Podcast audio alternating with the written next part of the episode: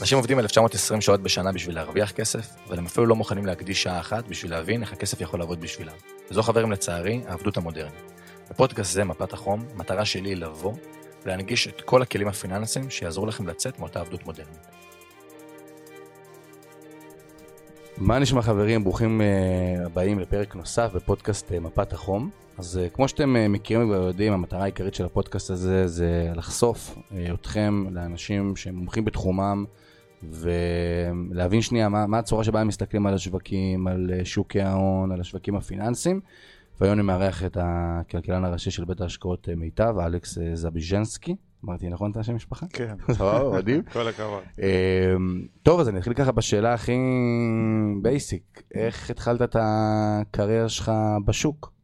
אתה מעל עשור כבר כלכלן של אה, מיטב, איך... כן. אה, האמת שהייתי בהתחלה מהנדס מכונות כשעליתי לארץ, כן, אבל עשיתי שינוי, למדתי תואר בכלכלה, התחלתי לעבוד בבנק, הגעתי לחדר עסקאות בבנק לאומי בתור אנליסט ראשי. באיזה שנים אנחנו מדברים? שזה? Uh, התחלתי כאנליסט ב-2001, היה. משבר דוט קום, נכון. משבר גדול בישראל. Uh, עד 2010 הייתי בבנק לאומי. 2010 עברתי לדש בתור כלכלן ראשי, וכעבור שלוש שנים דש התמזגה עם מיטב. נכון. ואז הפכתי לכלכלן ראשי של מיטב דש, שהיום היא רק מיטב. כן, התחלת בדש, כן. מיטב דש, ועכשיו אתה רק במיטב. כן, רק מיטב, כן. זה סבבה. מהו בעצם תפקיד הכלכלן? דיברנו טיפה גם בפריגיים שכלכלן זה... היום אנשים באים, לומדים תואר כלכלה מנהל עסקים ולא באמת מוצאים את עצמם בשוק. כלכלן זה תפקיד מאוד רחב. מה, מה התפקיד שלו בעצם? אני אספר על התפקיד שלי כי באמת אנשים עובדים בהמון תחומים אחרי השכלה ככלכלן זה יכול להיות מיקרו, מקרו, תמחור, שיווק, נכון. באמת אין סוף דברים. אה, אני בכלכלה פרופר, כן? מקרו כלכלה. אני עושה מיטב, הוא גוף שמנהל אה, משהו כמו 230 מיליארד שקל זה הרבה כסף. הרבה מאוד. ואנחנו צריכים איזושהי תפיסה לגבי לאן העולם הולך, לאן הכלכלה הולכת, לאן ישראל הולכת ואני אחראי על התפיסה המקרו, אוקיי? מה קורה, לאן אה, הצמיחה, מה תהיה הצמיחה בישראל, בארצות הברית, באירופה, מה תהיה אינפלציה, לאן הריבית הולכת, ובהתאם לכל הדברים האלה מגבשים איזושהי תפיסת אה, השקעות. האם צריך להשקיע יותר במניות, פחות במניות, יותר בארצות הברית, יותר בסין, אה, לקחת לקנות אגרות חוב, כן, או אגרות חוב עם מה שנקרא מח"מ קצר, כן. מח"מ ארוך. אה, זו האחריות שלי לפתח את התזה הזה, אני לא יורד לרזולוציה של, של איזה חברה, מניה, כן, ו... האם לקנות אמזון או מייקרוסופט, אני, זה לא אני, כן, אבל האם להגדיל מניות כי להערכת, להערכתנו הכלכלה תתמוך בשווקים חיוביים, כן, או להקטין. אגב, זה לא אומר שמה שאני אומר ועושה כולם עושים במיטב. כן. כל אחד יש לו דעה, הוא שומע אותי, הוא קורא הרבה חומר, יכול להחליט הפוך, כן? אבל אני אחראי על לגבש את התזה הזאת, להציג אותה גם פנימה וגם החוצה. שכאילו אתה אומר לגבש את התזה זה לקחת נתונים מאוד מקרו כמו ה-CPI שמתעדכן ומדד הליבה והעלאת הריבית בארצות הברית ולפי זה לגבש בכמה התאמה גמור לצמוח והאם לפי זה להגדיל חשיפה לפן המנייתי ולהגדיל חשיפה להודו ודברים כאלה? זה כן, בגדול המהות. כל שבוע אני עובר על המון המון המון נתונים, יש לי משהו כמו אלף גרפים שכל שבוע אני עובר כמעט על כל אחד ומסתכל. איך אפשר להכיל את זה ברמה? כמעט, כן, אני לפעמים רץ, רץ מהר או מתמקד במשהו אחד, או... אה, ויש המון נתונים, כמו שאמרת, ונתונים סותרים.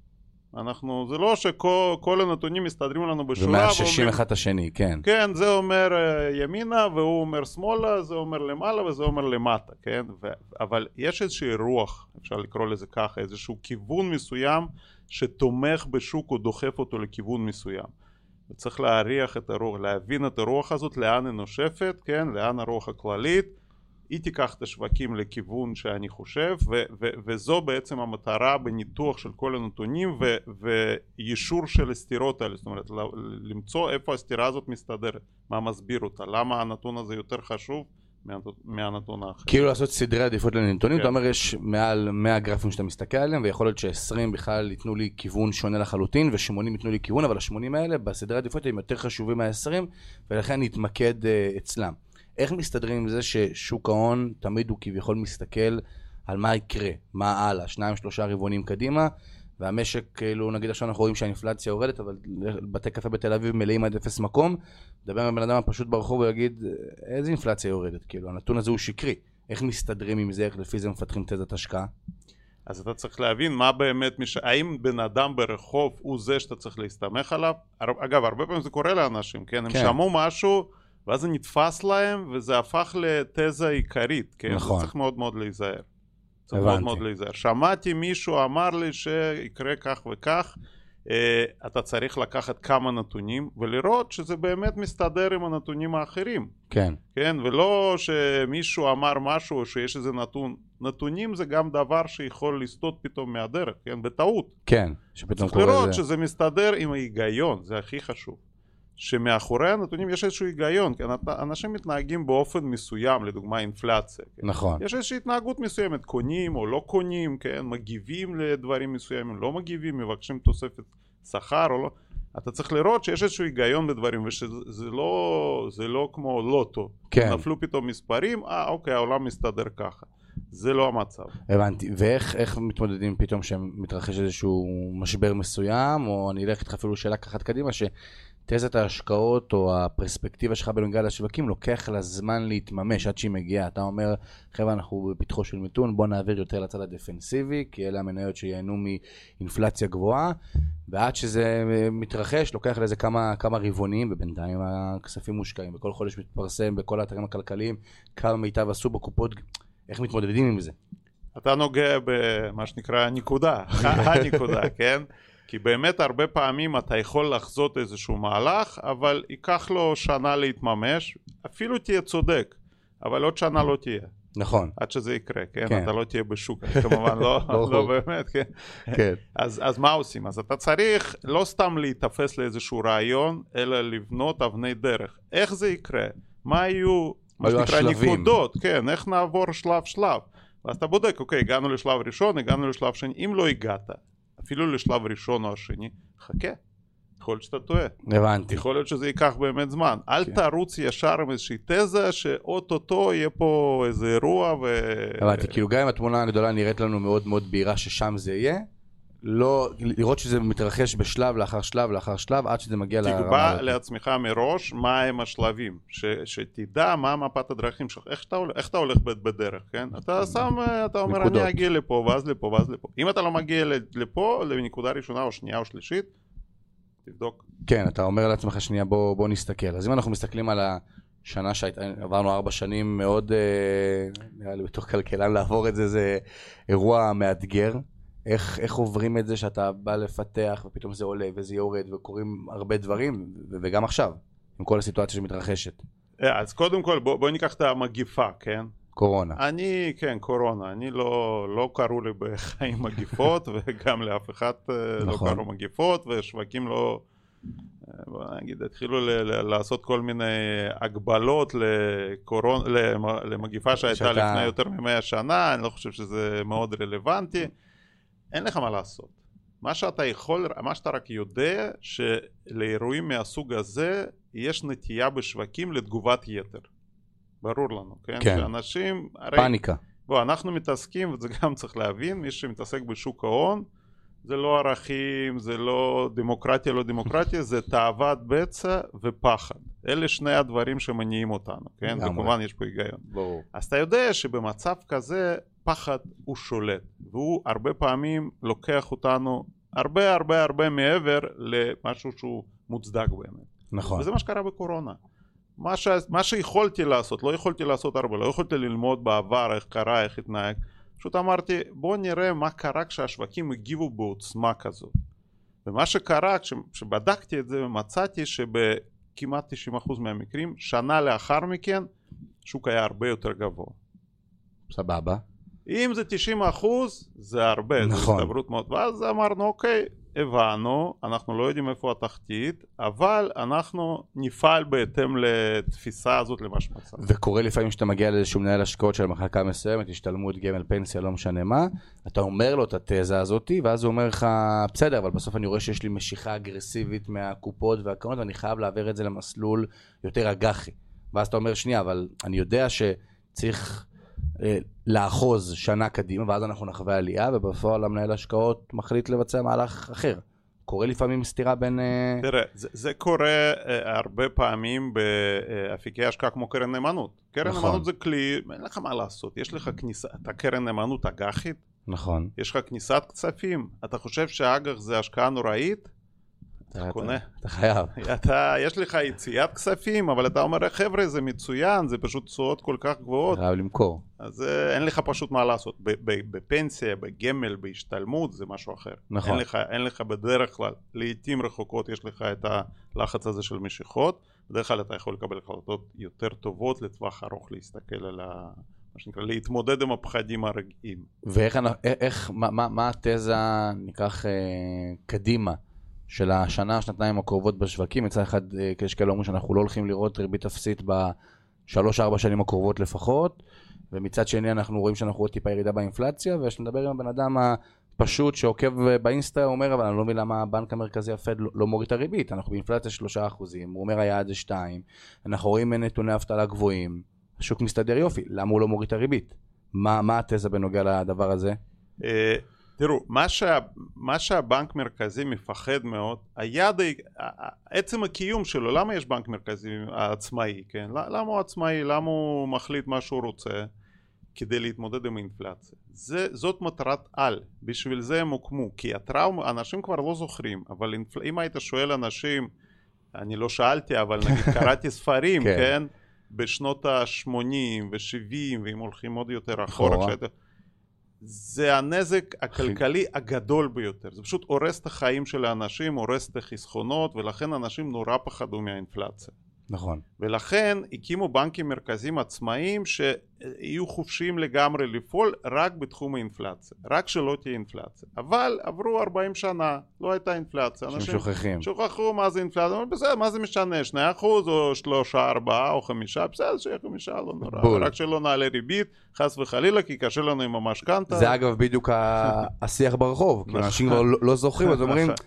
שלא יעלה את הריבית, אני- זה עוד 200 שקל המשכנתה, אני לא יכול, זה בדיוק זה.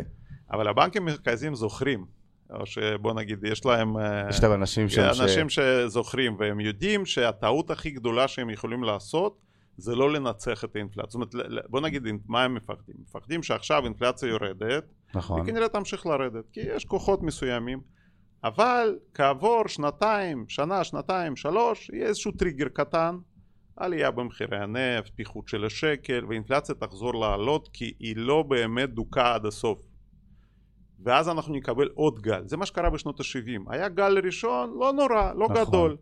ואז הם העלו ריבית, מהר מאוד הורידו, כי למה? כי כולם אומרים, למה אתם מעלים ריבית? זה קשה. נכון. גם אנשים, נכון, אמרו, אוקיי, נראה אינפלציה, בוא נוריד ריבית. הורידו, תוך שנתיים קיבלו עוד גל, יותר גבוה. וואו, ואז, ואז אז- אז הכלכלה נפגעה יותר חזק. נכון.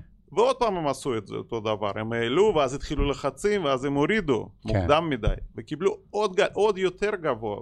בשיא, רק שאנשים יבינו, הריבית, היו צריכים להעלות ריבית ל-20% וואו. בשביל לנצח את אותה זה אינפלציה. משהו שהיום אתה אומר לבן אדם 20 אחוז, הוא... הוא הוא לא מאמין שזה קרה בכלל. הבנקאי המרכזי רק חושב על זה, הוא כבר יש לו זיעה קרה והוא לא ישן בלילה, ולכן, אה, ולכן יש עליהם לחץ מצד אחד, ומצד שני תפקידם לעמוד בלחץ ולקבל החלטות רק על סמך דברים מקצועיים ולא על סמך לחץ מהרחוב. אז למה, אז למה הם מחכים? מה הטריגר שיג... שיראה להם שהם יכולים להוריד את uh, רמת הריבית במשק? כאילו יש איזשהו טריגר שמחכים, לא יודע, לא יודע. עלייה בנתוני האבטלה, נגיד אני בחשיבה שלי, אומר, טוב, אמנם האינפלציה נמוכה, אבל גם נתוני האבטלה מאוד מאוד נמוכים, כאילו שוק העבודה חזק, אז הבנק המרכזי מה הבעיה, תסתדרו ככה, אם, אם, הכל סבבה, אז גם בואו נעשה עם חמישה אחוזי ריבית גם לחמש-שש שנים הקרובות. יכול להיות שברגע שהוא יראה עלייה בנתוני האבטלה, הוא פתאום יגיד, סבבה, אנשים גם כוח הקנייה שלהם באמת, הם לא יכולים לקנות. כי היום אפשר uh, להשתמש באשראי בכל מיני תצורות. אז איזה נתון הוא מחכה לראות, שזה מה שיגיד לו, חבר'ה, אני מוריד את הריבית, או שאנחנו הולכים פה לתקופה שלפחות כמו שחווינו עשור עם ריבית אפסית, אנחנו הולכים לחוות עשור עם ריבית של חמישה אחוזים, ואנשים צריכים להתרגל למצב. איפה אנחנו, למה הוא מחכה? אני, אני, אני, אני חושב שא' הם לא חושבים שהם יחזרו לריבית אפס. זה לדעתי ניסוי שהצליח בצורה מאוד מאוד חלקית, אבל גרם גם הרבה, להרבה תופעות לוואי, נזקים נכון. כאלה. אז לדעתי גם בסוף, בסוף, בסוף, שהאינפלציה תרד ותירגע, אנחנו מקווים, הריבית לא תהיה אפס, היא תהיה 2, 3, 4 אחוז, משהו כזה. זה, זה לדעתי... בדיפולט. ה... כן, בדיפולט, זה מצב, זה מה שהיה אגב, תמיד. נכון, אה, פשוט אנשים זוכרים את כן. הטווח הקצר. הבנקים המרכזיים מחכים קודם כל כמובן לראות שהאינפלציה היא ירדה. כן, היא כבר לא 3-4 אחוז, היא קרובה מאוד ל-2 אחוז, עדיף 2 אחוז, והיא התייצבה שם. צריך להבין שאינפלציה, יש אינפלציה ויש אינפלציה. זה לא רק מספר. נכון. ואינפלציה זה לא רק ביקוש והיצע. אנשים הרבה פעמים אומרים, אה, אם יש עודף ביקוש, אז יש אינפלציה ואז צריך להוריד ביקושים. נכון. ואם יש מחסור בהיצע, אז יש אינפלציה ואז צריך להגדיל היצע. כן. זה נכון. אבל כשאינפלציה נמצאת בשטח הרבה זמן, כולם מתנהגים אחרת. וזה מה שנקרא אינפלציה של אה, סביבה גבוהה של אינפלציה וסביבה נמוכה. מה זה סביבה גבוהה של אינפלציה? שכולם מעלים, עסקים מעלים מחירים כל הזמן. אה רגע, חיים העלה מחיר, גם אני אעלה. אה רגע, השקל אה, פוחת, אני מעלה מחיר. למרות שאני לא, אין לי יבוא בכלל, אבל אני אעלה ליתר ביטחון. אני נורא מפחד שהרווחים שלי יישחקו. ייפגעו. העובד הוא אומר, אני נורא מפחד שהשכר שלי יישחק. אז אני לוחץ על המעסיק שלי, תעלה לי שכר, תעלה לי שכר. יש לנו ועד, הוועד לוחץ נורא חזק, תעלה לי שכר. ואז כל הסביבה הופכת להיות אינפלציונית לבד, כבר אין מחסור זה כאילו בהיצע. ספירלת שכר זה כזאת. ספירה, כן, זה מתחיל, וזה מה שבנק מרכזי מפחד, והוא מנסה לראות סימנים שזה לא הפך לסביבת אינפלציה גבוהה. אם זה הפך לסביבת אינפלציה גבוהה, אתה יכול לחיות גם ריבית גבוהה הרבה שנים. הבנתי, כי הוא אומר, השוק כביכול כבר, בלי הגורמים של ההיצע והביקוש, מתדלק את כן, עצמו. כן. שנות התש... אני לא, שנות ה-80 בישראל אני עוזב, אינפלציה של הרמה, בסדר, זה היפר אינפלציה, זה משהו אחר, כן. נכון. אבל שנות ה-90, זה אני זוכר, עבדתי בבנק, אינפלציה הייתה כל הזמן, 7, 8, 9, 15, וריבית כל הזמן גבוהה. לא שהיה מחסור בהיצע, עודף ביקוש, היה גם מיתון, צמיחה, לא צמיחה, אבל אינפלציה הייתה כל הזמן גבוהה. כל הזמן. למה? כי זאת סביבת האינפלציה, ככה כולם מתנהגים. ואיך היא מסתיימת? כאילו, בסוף הדבר הזה מסתיים באיזושהי תצורה מסוימת. כן. אמרת, חיים ומשה אומרים, שנייה, הוא העלה מחירים, אין, אין לי בכלל יבוא, השקל ירד, אבל לא, אני, אני אעלה מחירים בכל זאת, ואז העובד אומר, שנייה, הוא מעלה מחירים, לי יותר יקר הקפה, הפוך, אני מבקש העלאה בשכר. אנחנו נמצאים פה בין איזושהי ספירלה לא הגיונית, מתי זה נגמר?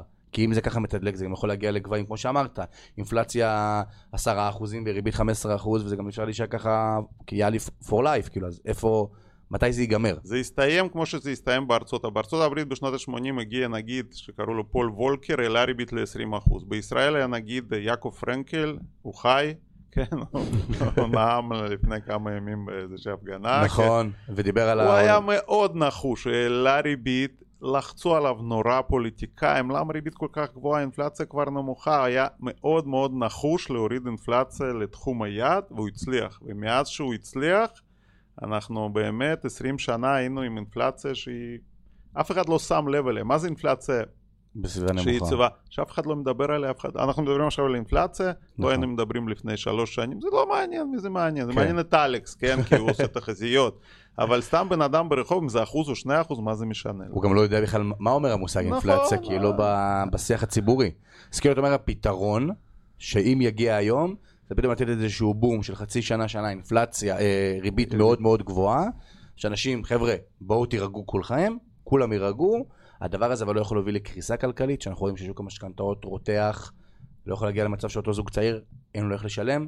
ואנחנו גם רואים פגיעה בקרנות ההשתלמות, 690 מיליון שקל מקרנות ההשתלמות נפדו ברבעון הראשון, שזה בממוצע זה היה 120-130 מיליון אה, בשנים אחורה.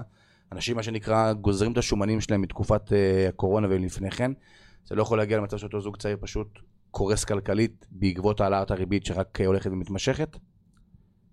אתה חייב לשלם מחיר בשביל לנצח אינפלציה. זה לא יכול להיות שאינפלציה תיעלם ואתה מה שנקרא לא הרגשת, כן? אתה נהנה. יש לזה מחיר, זה בדיוק ה... זאת בדיוק הנקודה, קשה לעשות את זה, לכן אתה צריך נגיד בנק מרכזי או בנק מרכזי ועדה מוניטרית נחושה שהיא יודעת לעמוד בלחצים. למה יש עכשיו לחץ מהפוליטיקאים?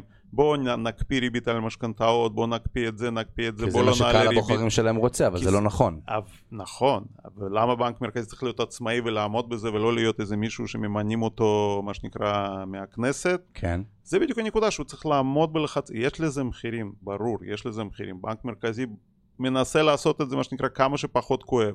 אבל צריך, כולם צריכים להבין שאם הוא לא מצליח ואינפלציה לא מנוצחת, כולנו אבודים, כולנו נשלם מחירים הרבה הרבה יותר גבוהים, זה חשוב לדעת. וזה כאילו, קורה, לפי מה שאני רואה, במה שנקרא, מבעד לשורות שלך, יש מצב מאוד בקרוב, לא חצי שנה, שנה, שזה הכיוון שלו אנחנו הולכים. אם הנתונים הם אכן ימשיכו להתקדם, אנחנו הולכים לאיזשהו כיוון שבאמת הספירלה ממשיכה להתקדם ויש פיחות בשקל, הבנק המרכזי צריך להעלות ריבית, עד לרמה שגם הריבית יכולה להגיע ל-7 ול-8 אחוזים, כל עוד האינפלציה לא נרגעת.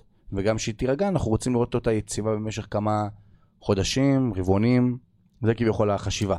כרגע אם אנחנו מסתכלים על ישראל, יש בישראל סימנים שהאינפלציה יורדת. אנחנו היינו מעל חמישה אחוז, אנחנו כבר קרוב לארבע אחוז אינפלציה, ורואים את זה לא רק במספר הכללי, אלא כשמסתכלים על כל מיני סעיפים, לגבי מוצרים, מכוניות, אה, מקררים, ביגוד, כן?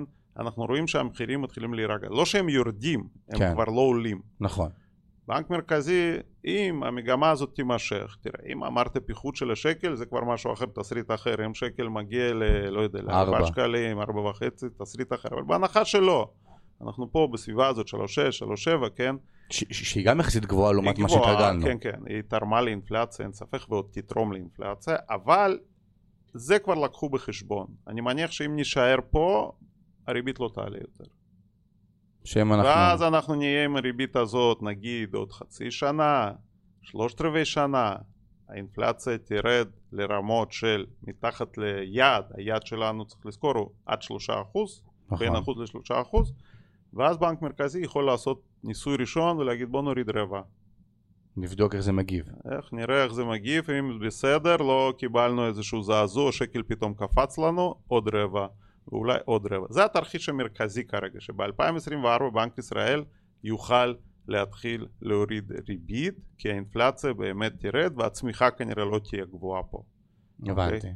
אבל זה התרחיש ניפגש עוד שבוע, אתה תשאל אותי, מאוד יכול להיות. כן. אני אגיד לך, תקשיב, קרו דברים, אצלנו זה קורה מהר, כן. וקצת אני חושב אחרת. אז כאילו יכול להיות באמת מצב עם כל, נגיד, סתם, פתאום... אה, בלי שום קשר לפוליטיקה, אבל רואים את זה קורה פרופר, אה, שקל דולר, אפשר להצמיד את זה לערוץ של הכנסת ולהבין מתי הוא עולה, מתי הוא יורד ברמה הזאתי. כאילו אם נגיד מחר מחליטים איזושהי החלטה שעד עכשיו ראינו שהשקל הגיב לה בצורה לא טובה, פתאום השקל יכול להגיע לארבע, ואז אנחנו הולכים פה בכלל לתרחיש אחר, של עוד העלאות ריבית ועוד, אה, והיבוא מתייקר וכל הדברים האלה, ואז אנחנו הולכים בכלל לתרחיש אחר. איך שומרים על אני שואל את זה ברמה האישית, על כל הזמן עדכון על השווקים. כאילו, זה להיות כל הזמן מחובר באינפוזיה לעולם הכלכלה. זה לא לפעמים בתור כלכלן שכבר מעל עשור מתיש. כאילו, גם כשאתה יוצא, אני לא יודע, לחופשה, או שאתה עכשיו רואה סרט, אתה צריך להתעדכן מה קורה ואיזה נתון יתפרסם. איך שומרים על הדבר הזה בצורה עקבית. תראה, קודם כל זה מאוד מעניין. זה, זה נכון. זה, זה מאוד מעניין, תחשוב, זה עבודה שכל הזמן קורה משהו ואתה צריך להגיב וצריך לחשוב, כן? זה לא אותו דבר. נכון. אז לפחות אותי זה מעניין. אני פעם אומרים, תחשבו, זה מעניין, אני מסתכל על אנשים, אוקיי, לא בדיוק, אוקיי, הייתי זה. אז זה מעניין, וזה מחייב אותך כל הזמן באמת להיות, מה שנקרא, גם בחופש, אבל בגלל שזה מעניין אותי, זה לא מפריע לי בחופש גם קצת להסתכל. זה יותר קשה ברמה של ההשקעות, כי אתה לא יכול, אתה יכול בתור בן אדם פרטי, כן, שבוע לקנות, שבוע למכור, נכון. אבל בתור גוף מוסדי, אתה לא יכול כל הזמן לשנות, ואני לא יכול לבוא שבוע אחד להגיד אה, תקנו מניות, שבוע הבא תמכרו ושבוע אחר כך עוד פעם תקנו. אני צריך משהו קונסיסטנטי לאורך זמן, זה לא שאי אפשר לשנות, אפשר. ברור. וזאת באמת המגבלה, שאתה צריך כל הזמן, השקל מה שאמרת זה באמת אה, שיגעון, כן? שיש לך, זה, אה, אחד אמר ככה, השקל פתאום ירד, כן. זה עשה ככה, הוא עלה, כן? זה, זה ברמה הזאת הפך להיות. אי אפשר לדעת זה, כן? פה באמת הגענו לנקודה שאין לי מה להגיד, כן? אם זה חוק או דיבור של פוליטיקאים. אני לא מומחה לפוליטיקאים. אז באמת עם כל נושא השקל והדולר שחווינו בתקופת המיני בועת ההייטק שהיינו חווינו בשוק הישראלי בשנת 2020 ו-2021, שהשקל הגיע ל-3.12, עכשיו אנחנו כבר חווים אותו, יש כאלה מדברים על אפילו אולי הגעה לארבע, ונתונים שמתפרסמים זה שבנק ישראל קנה הרבה מאוד דולרים בתקופת uh, הקורונה כדי לאזן את uh, נושא השקל והדולר. היום אני שומע אנשים ששואלים למה בנק מרכזי פשוט בישראל לא מוכר את הדולרים האלה כדי להוריד את רמת הדולר. מה... כן. כן. אז, אז קודם כל צריך להגיד, הייתה לנו התנהגות מאוד ברורה של שער החליפין של שקל דולר. מי שהיה מסתכל על שער החליפין של שקל דולר בחמש שנים האחרונות, עד ינואר 2023, היה, ושם על אותו גרף, גרף של אה, S&P 500, מדד המניות, היה רואה פשוט תמונת ראי. נכון. S&P עולה, שקל מתחזק, S&P יורד, שקל נחלש. נכון. ממש תמונת ראי, היה מאוד ברור. היית רק צריך להגיד לי מה עושה S&P, אני הייתי אומר לך מה יעשה שקל. דולר. כן. בול. אה, למה זה קרה אגב? בגלל פעילות של המוסדים, בגלל התיק הענק שלהם בחו"ל והצורך שלהם לעשות הגנות. כן, לא לא משנה, לא ניכנס לזה יותר כן. מדי, אבל זו פעילות. מראשון לינואר, או בגדול מתחילת ינואר, הכל השתבש. אי אפשר לדעת, כמו שאמרת, ההתנהגות אה, נהייתה מאוד אה, כאוטית, ו, אה, ו, ומתחילים להשתנות פרמטרים כלכליים. כמו דירוגי אשראי לצורך הדוגמה? כמו פרמיות סיכון, כן, כמו כמות הכסף. על מה מבוססת העוצמה של השקל? על... על כניסת כספים של משקיעים זרים, נכון. של יצואנים, כן? על זה שישראלים גם אה, מגייסים נגיד אה, בהייטק. מגייסים, כן, בהייטק, כן? ברגע שאתה מתחיל, ש... מתחיל איזשהו שינוי, נגיד הייטק מגייס פחות, הוא מוכר פחות לחו"ל, יצואנים גם מעבירים נגיד מפעל לחו"ל, אם זה יקרה, כן? כן. יכול לקרות. נכון. אז אנחנו נתחיל לראות שהזרימה הזאת, שתומ... נגיד בתקופה האחרונה גם המוסדים ומשקיעים פרטיים העבירו הרבה כסף לחו"ל. נכון. רואים את זה בנתונים, כן? הגדילו בגלל הפחד והפיחות. אם התמונה הבסיסית הזאת תשתנה במידה כזאת שמה שנקרא הזרם הנכנס יהיה יותר חלש מהזרם היוצא, אז לא תהיה אותה תמיכה יציבה בשקל, ויכול להיות שנעבור למשטר אחר, ושקל, אני זוכר את זה, אני זוכר שקל בחמישה, דולר בחמישה שקלים כמעט, נכון. כן? 2001 לדעתי, כן? זה, זה לו, יש איזה תקדים ב- ב- במדינה שאתה מכיר, אירופה, אמריקה, לא משנה מה, שבעקבות שינויים בתוך התצורה שמסתכלים במדינה, במערכת הפוליטית, זה עשה שינוי שעד היום אנחנו רואים שהוא קיבל מגמה, כי אם אנחנו מסתכלים, מ-3.12 שהיה שקל דולר, אנחנו רק במגמת עלייה. שזה גם תמונת ראי S&P עלה, שקל זה. ויש לזה תקדים? כאילו במדינה אחרת או שזה פעם אין ראשונה? ספור, אין ספור. מדינה שמה שנקרא עברה איזשהו שינוי לרעה, וזה לא משנה אם זה כלכלי, פוליטי, ביטחוני, כן, המטבע שלה התחיל להיחלש ונחלש, ונ... טורקיה. נכון. דוגמה הכי קלאסית לא שיש. כן. היה שם, יש שם, כן, אה, בחור, מנהיג, אה, אה, כן, שהוא חשב שהוא המציא את השיטה שנגד האינפלציה צריך להילחם בריבית נמוכה ולא גבוהה, נכון. וקיבל את מה שהוא קיבל, גם באינפלציה, גם בצמיחה וגם במטבע טורקי שהתרסק, כן? ש- כן.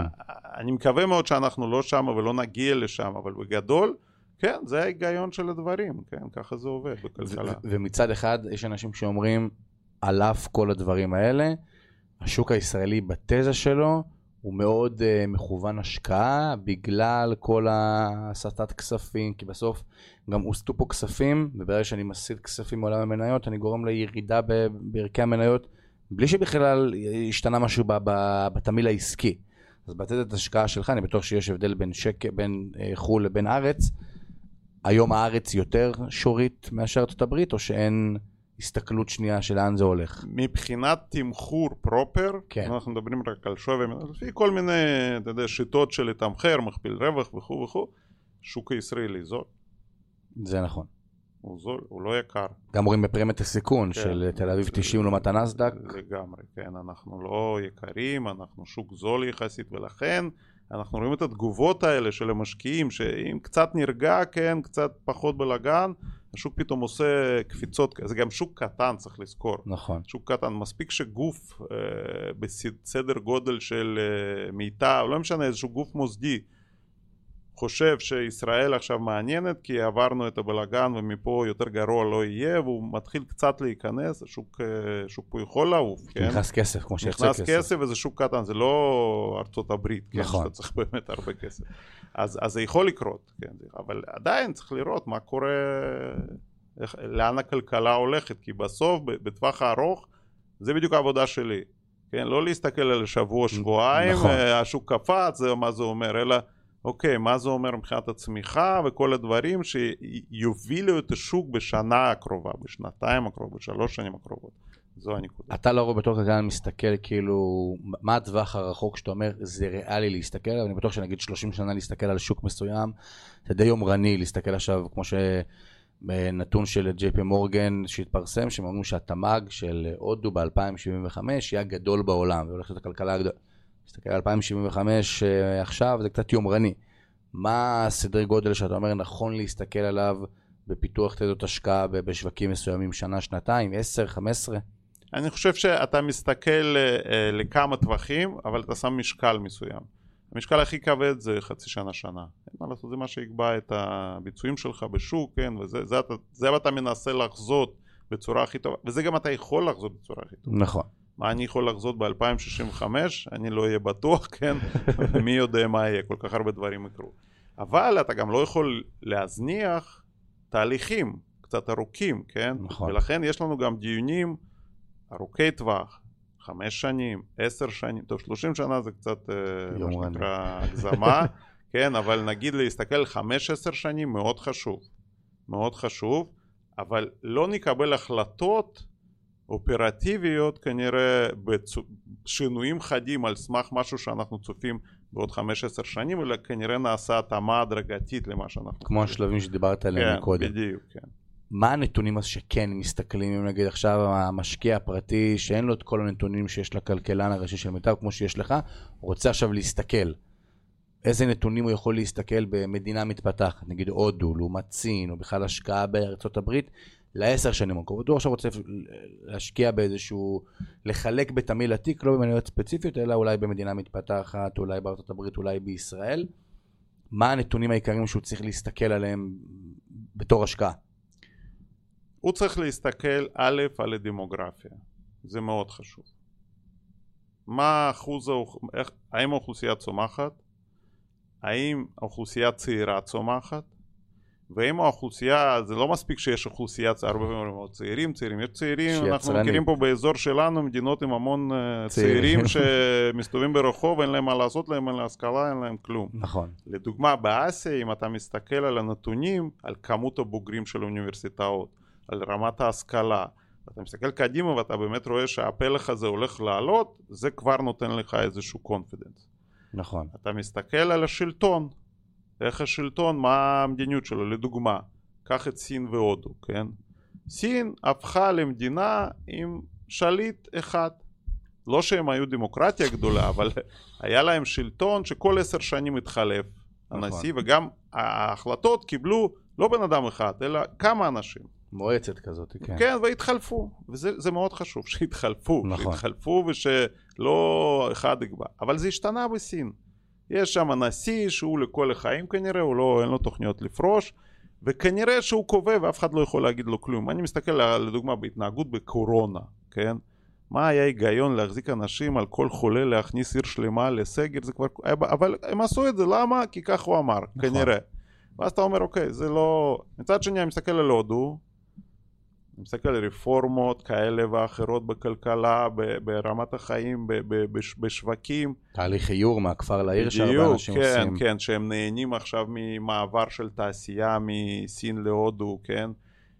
אז זה משהו שהוא מאוד מאוד חשוב באמת כשאתה מסתכל לטווח ארוך. בטווח קצר הכל יכול לקרות, כן? נכון. אבל כשאתה מסתכל לטווח ארוך, אתה אומר, זאת המדינה שהולכת עם הרפורמות ועם הפיתוח ועם הפתיחות, כן?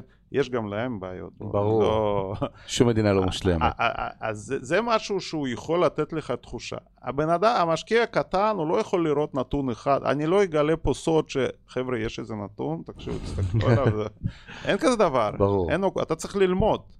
אתה צריך ללמוד לקרוא איזשהו, איזושהי כתבה, איזושהי סקירה, איזשהו ספר, כן? ואז אתה, משהו נראה לך מעניין, תרחיב על זה ותחשוב על זה. נכון. יש אצלי בחדר... אה, פוסטר כזה, כתוב עליו, לא, לא אני המצאתי אבל אהבתי את זה. uh, think before you speak, read before you think.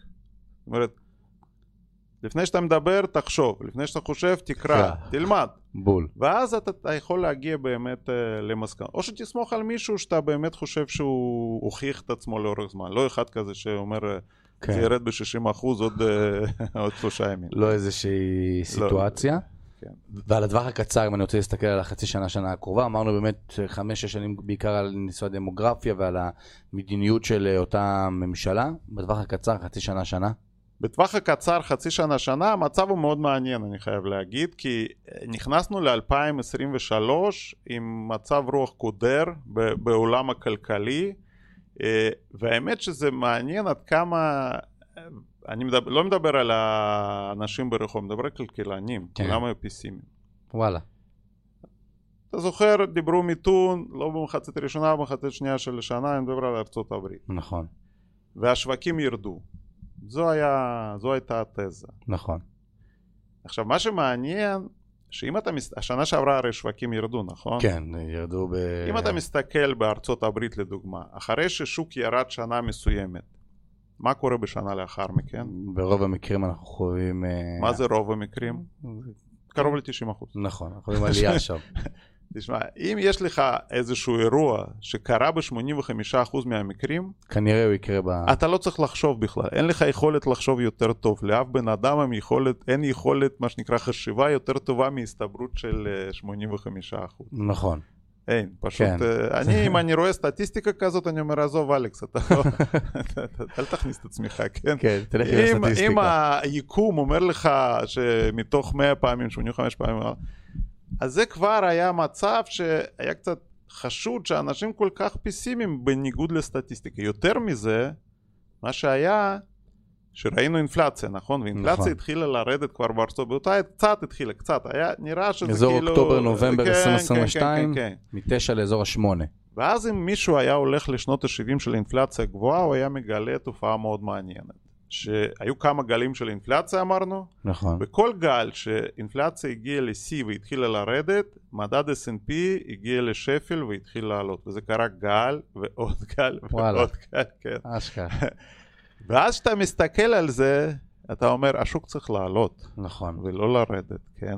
זה, זה היה מצב מעניין, ואני אני אומר את זה לא כחוכמה בדיעבד, אבל עוד פעם, בחיים לא אגיד שאני צודק וצדקתי, אני טעיתי אין ספור פעמים, אבל פה כשהסתכלתי על זה אמרתי, חבר'ה, זה, זה, זה המצב. ברור כשמש. צריך להיות חיובי. כן, כן אבל בסוף, אתה בתור כלכלן עם ניסיון וידע מסתכל על זה ואתה אומר, חבר'ה, זה מה שקורה, אבל בסוף ראו גם בנתוני הקרנות והקופות, שהרבה אנשים בעקבות הפאניקה, יש כזה שם בשוק ההון, ריקי, ריקי כהן מחדרה, שזה שם כזה גנרי, לאותה בחורה, אותו בחור, שרואים חדשות כל היום, ורואים בתוכנית חיסכון, השווקים ירדו, השווקים הגיעו לשפל חדש, ואז מסיטים את אותם קופות קרנות ממסלול מנייתי למסלול הכללי מהפחד, ופתאום האלטרנטיבה שלהם באג"חים, פתאום נותן לי 4%.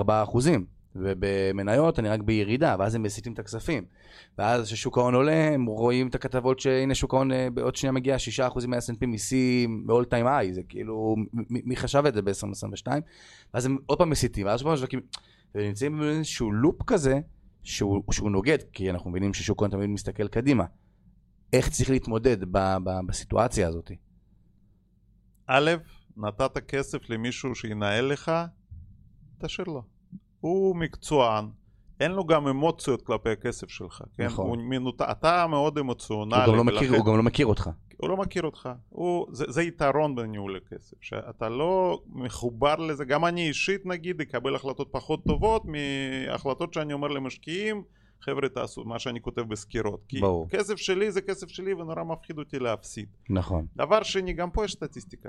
ב-80% מהמקרים כשיש פאניקה בשווקים ושווקים יורדים ואתה סתם משקיע שיושב בצד אל תהיה פזיז ואל תתחיל להעביר כשהכותרות בעיתון הן אדומות בפונט 88 העולם קורס זה בדרך כלל עיתוי גרוע נכון. לעשות שינויים תזכור את זה ובפעם הבאה כשתראה את זה פשוט תיקח uh, כוס מים כן וקצת תירגע כן נכון. אם שוק כבר נופל אתה לא תהיה הראשון שזיהית עוד איזה בור גדול וזה הולך ליפול.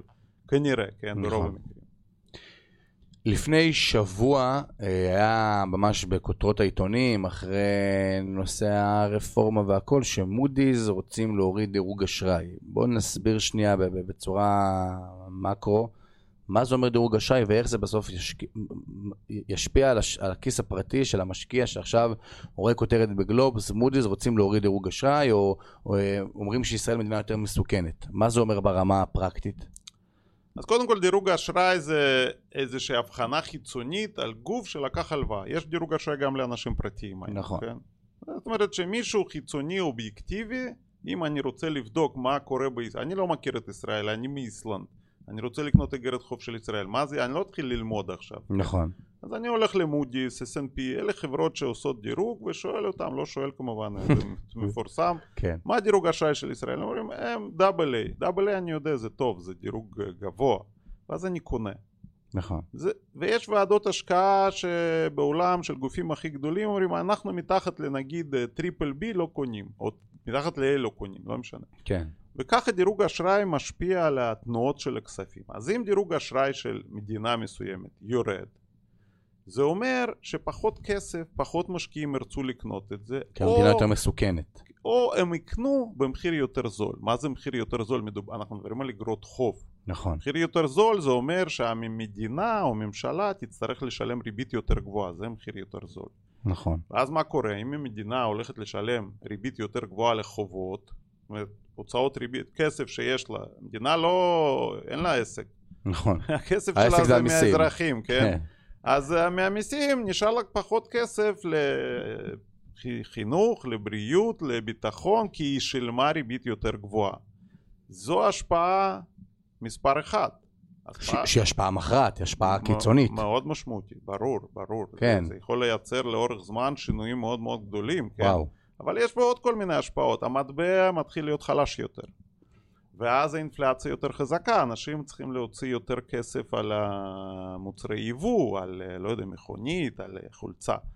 ואז בנק מרכזי, אינפלציה יותר גבוהה, אין לי ברירה, מעלה ריבית, מעלה ריבית, משכנתה יותר יקרה, וככה אנחנו נכנסים לסחרור כזה שמה שמצית אותו זה בסוף אותה הורדת דירוג אשראי על ידי מודי'ס או על ידי S&P או על ידי איזושהי חברת דירוג. שהם גופי דירוג אשראי בכירים מאוד ב- בעולם. כאילו לוקחים, יש, יש הרבה גופים, אבל מודי זה אחד הגופים הגדולים. בגדול יש שלושה גדולים, זה S&P, מודי'ס ופיץ'. יש עוד, כן, אבל ברור. אל, אלה השמות מה שנקרא. אלה הגדולים. כן.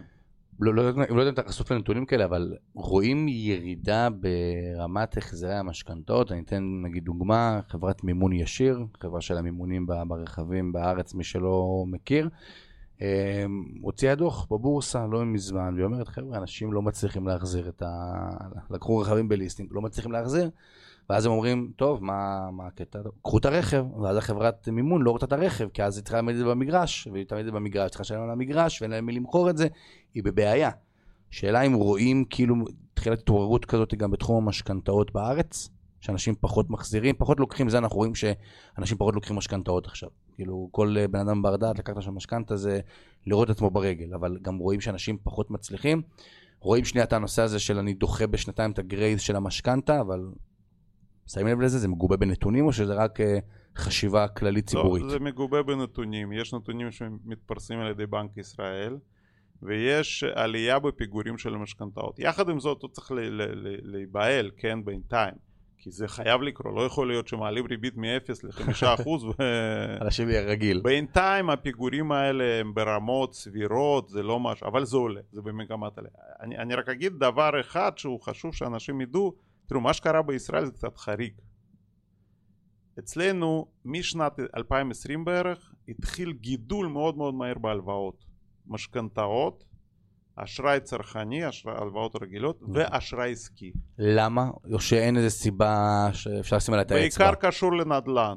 הנדל"ן עף למעלה, כולם רצו דירות, מחירים עלו ואז אתה צריך משכנתה יותר גדולה וחברות גם כן נכנסו לתחום והתחילו לקחת הלוואות בשביל לבנות בתים ולקנות מגרשים אם אנחנו מסתכלים על הגרף הזה של לדוגמה אשראי עסקי לאורך שנים זו הייתה איזושהי מגמה של עלייה ב-2020 אנחנו וואו. מתנתקים ואז וזה קרה חמש דקות אף אחד לא חשב שהריבית תעלה נכון. כולם אמרו ריבית אפס יישאר מה יכול להיות אחד, שתיים, גם. כן, אה, אחד, שתיים, הגענו לחמש כן. בשנה. זה לא נורמלי. וזה באמת מצב שמייצר או עלול לייצר בעיות, כן?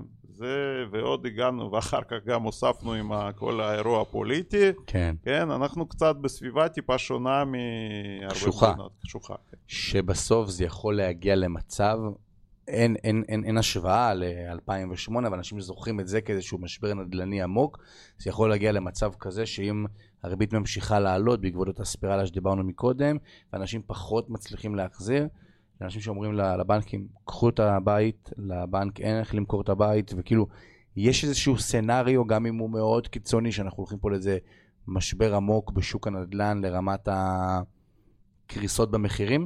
כמעט אין הגבלה ל-2008, צריך להבין, ב-2008 א' היה עודף של דירות. נכון. אין לנו עודף של דירות, כן, בישראל אה, אין עודף של דירות, יש לנו... וב' היה את subprime, sub, מה זה סאב פריים? כל האריזה הזאת של משכנתאות אה, של זבל כן. ומכירה אותם מיד ליד, מיד ליד, זה, אין לנו את זה, כן, אז אנחנו לא חשוב בכלל, אבל, גם. אבל, אבל אה, יכול להיות שנראה קצת יותר אנשים מתקשים, כן, אני לא חושב שנראה אנשים ברחובות, כן. זה לא יקרה כנראה. אבל קשיים יכולים להיות, אגב, היו גם בעבר, זה לא, שפה, זה לא פעם ראשונה. איך אתה רואה את הבחירות הקרובות בארצות הברית בהשפעה על השווקים? כאילו ביידן מצד אחד הוא נשיא עם תזה מאוד מסוימת, או לפחות נציג מטעמו, וטראמפ הוא נציג מטעמו תזה מאוד מסוימת, שגם תמיד יש סרטון עכשיו שרץ ברשתות החברתיות, שטראמפ וביידן היו במעין איזשהו כזה עימות לפני הבחירות, ואז רואים שם את uh, טראמפ אומר שאם ביידן ייבחר השווקים ירדו, אבל כאילו כל בן בר דעת יודע למה הוא אמר את זה, כי הוא מבין מה המדיניות של ביידן ברמה הכלכלית.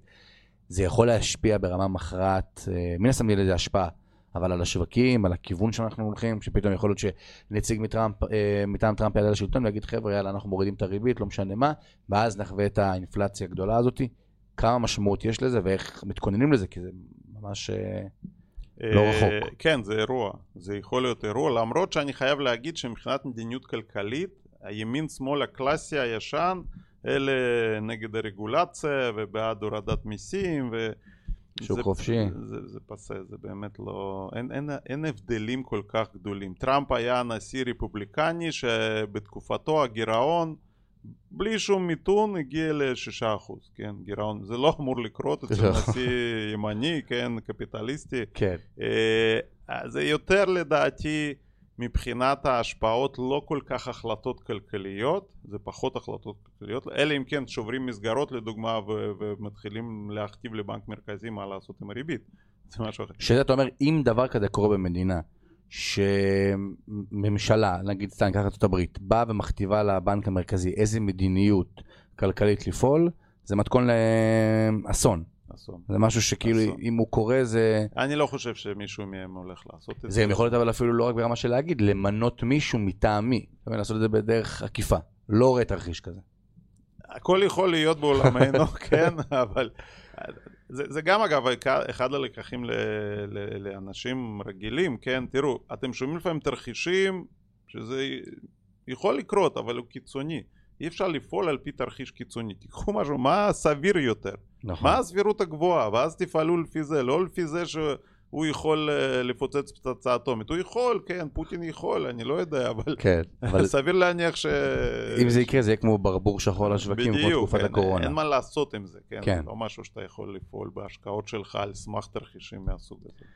נושא תקרת החוב בארצות אה, הברית, בשנה, כל שנה זה מגיע מחדש, גם השנה זה הגיע, ואיכשהו, באורח פלא, תמיד אה, מגדילים את התקרה. זה לא איזה מעין איזושהי בועה, בלון, שתמיד יתנפח, תמיד יתנפח, יתנפח, כי אם בסוף ארצות הברית יקרוס, כל העולם ילך פה לאיזשהו משהו דרסטי. איך? כי כל פעם שזה קורה, כל הכותרות העיתונים מראים פאניקה, מראים לחץ, מראים זה, השווקים לא ברורים, ואז פתאום, טוב, שוק החוב, אה, תקרת החוב של הברית עלתה, כמה זה משמעותי, והאם זה יימשך ככה for life, גם כשאני אהיה בן 80, אני אראה כל שנה תקרת החוב של הברית עולה. תראה, אם ריבית תחזור לרמות אפסיות, אפשר לחיות עם זה. יפן חי עם זה, מה שנקרא, מתגלגלת, ו... והם כבר אה, יחס חוב תוצר 250 אם אני לא טועה. אבל יש להם בעיה לאמריקאים, יש בעיה אמיתית.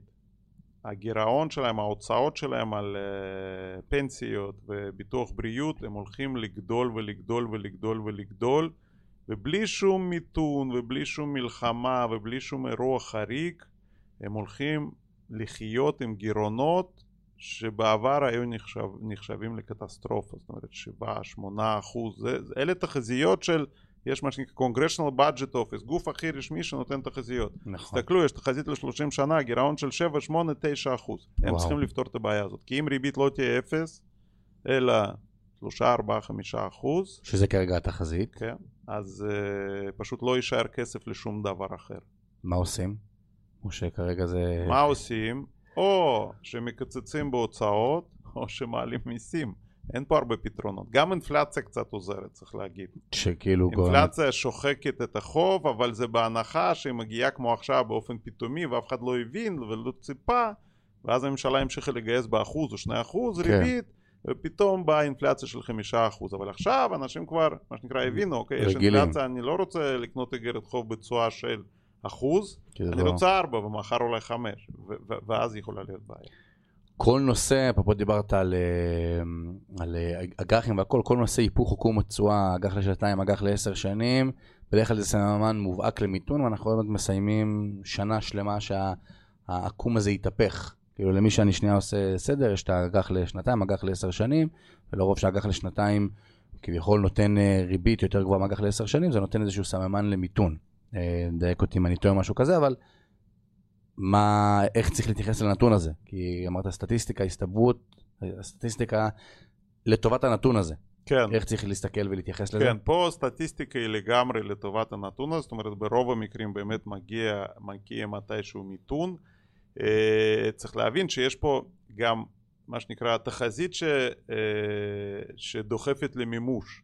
למה? כי כשהקום הוא הפוך וכולם צופים מיתון, בנקים מפסיקים לתת אשראי. לא כדאי להם לתת אשראי. נכון, כשהריבית שהם מקבלים מהלווה לטווח ארוך היא יותר קטנה אולי, נמוכה מהריבית לטווח קצר. נכון. אה, יחד עם זאת אה, צריך לבחון מצב ולא להגיד הנה עובדה אמרו מיתון מיתון מיתון לא מגיע לא למה? כי אנחנו במצב ייחודי אחרי הקורונה עם מצב של שוק העבודה שלא דיברנו אף פעם אנשים מכירים אין עובדים נכון. אז אין אבטלה יש חסכונות מאוד גבוהים כי זרקו פה המון המון כסף כן יש ממשלה שמגדילה גירעון ומזרימה כסף להשקעות כאלה ואחרות. זאת אומרת יכול להיות שהפעם ההיפוך הזה הוא לא בדיוק יוביל אותנו למיתון והאינפלציה נגיד תרד והכל מסתדר בחזרה בלי שיקרה מיתון אבל בתור אחד שאמרתי תסתכלו על הסטטיסטיקה אני כמובן צריך להיות מאוד מאוד זהיר ולכן כל הזמן בוחן את זה. האם אני אם מה שנקרא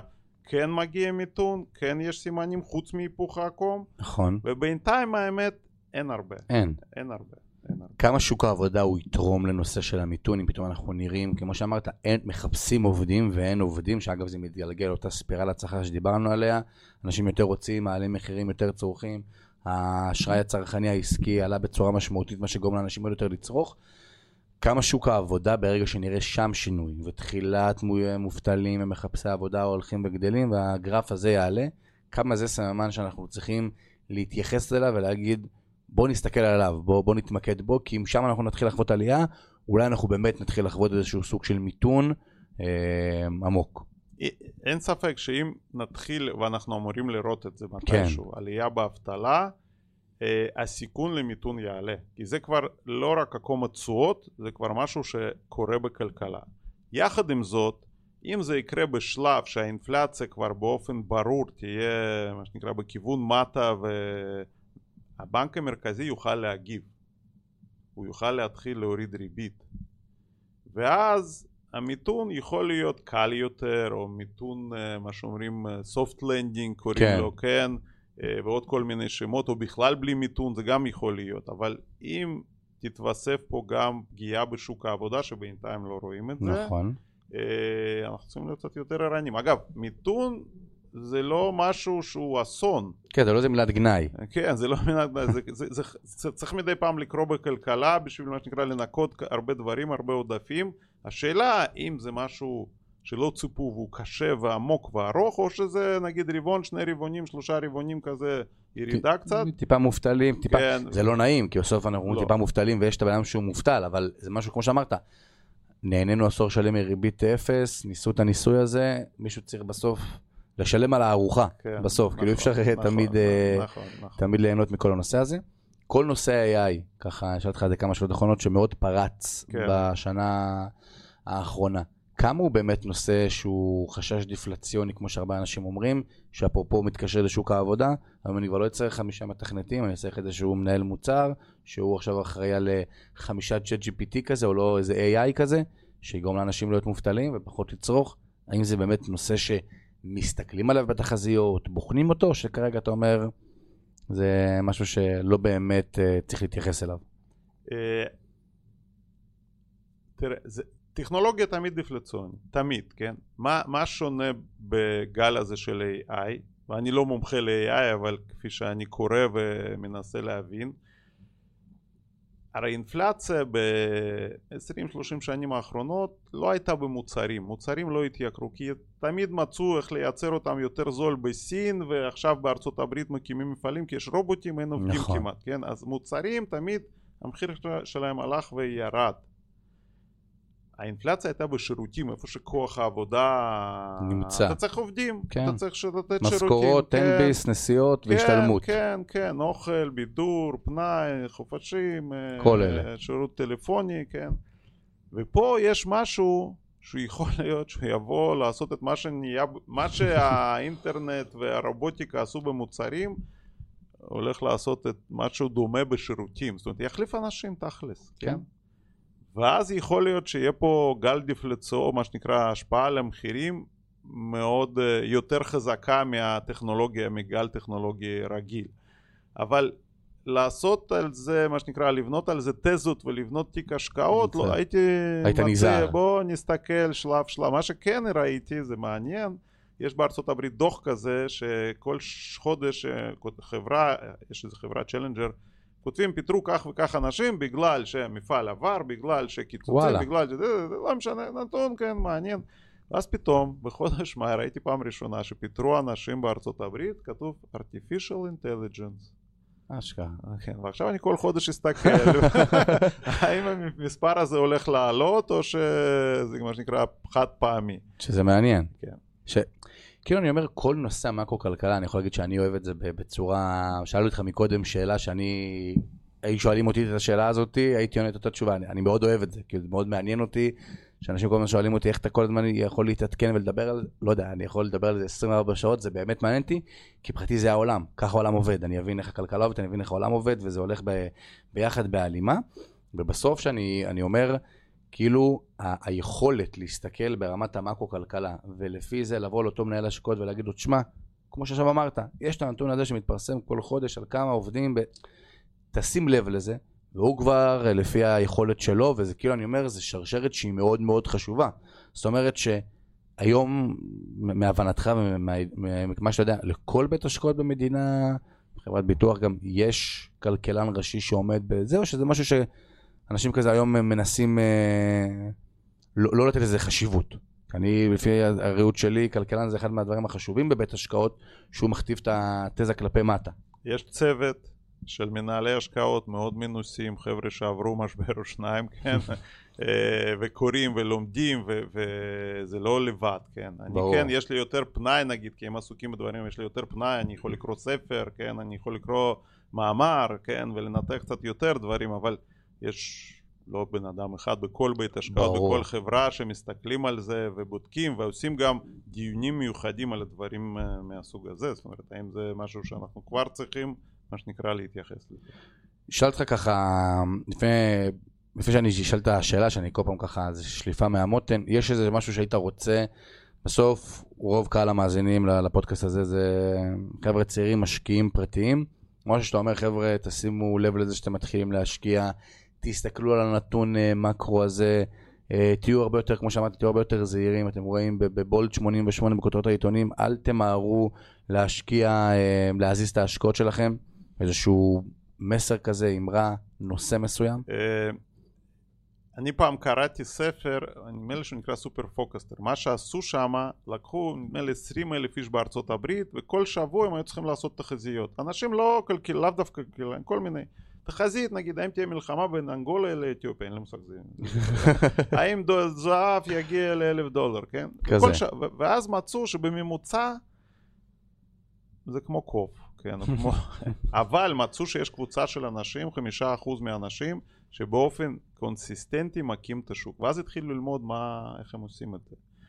ויש שם כמה, כמה תובנות, אבל אחת התובנות של מי שלא מכה את השוק, פשוט אמרת את זה, וזה חשוב שאנשים uh, ידעו. כן. כל מיני תחזיות שהשוק ירד ב-62% או ב-34%, או שהוא יעלה ב-80%, כל מיני, מי שמדבר בקול רם, ברעש, ועושה כן. כותרות, לפי המחקר, לא אני אמרתי.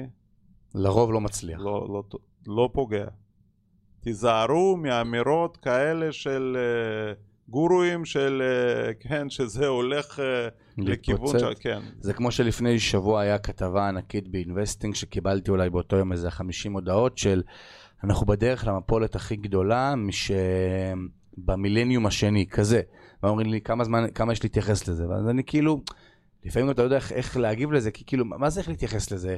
זה כמו שלפעמים רואים אנליסטים שעושים הורדות דירוג למניות, ואז אתה שם לב שהם עובדים בבית השקעות שמתמחה בשורטים על מניות, כן. ואז אתה אומר, ברור שיעשה הורדת דירוג על מניה, בגלל הדברים האלה, זה נמצא... או שהוא אומר את זה כל שנה, אני, אני לפעמים אגיד, מוישה חיים אמר שזה ייפול ב-60%, אני כותב, מוישה חיים 2020, מוישה חיים 2019, מסתכל כותרות בעיתון, כן. באינטרנט, כל שנה אומר שזה מתישהו יצדק. זה בדיוק זה, לא, אתה גם רואה, נגיד סתם, יש אחרי אותה כתבה באינבסטינג, באמת הלכתי לאינטרנט ואמרתי, מפולת בשווקים, אתה רואה שאמרו את זה ב-2014, 2015, 2016, 2017, 2018, 2019, 2021, כל שנה אומרים את זה.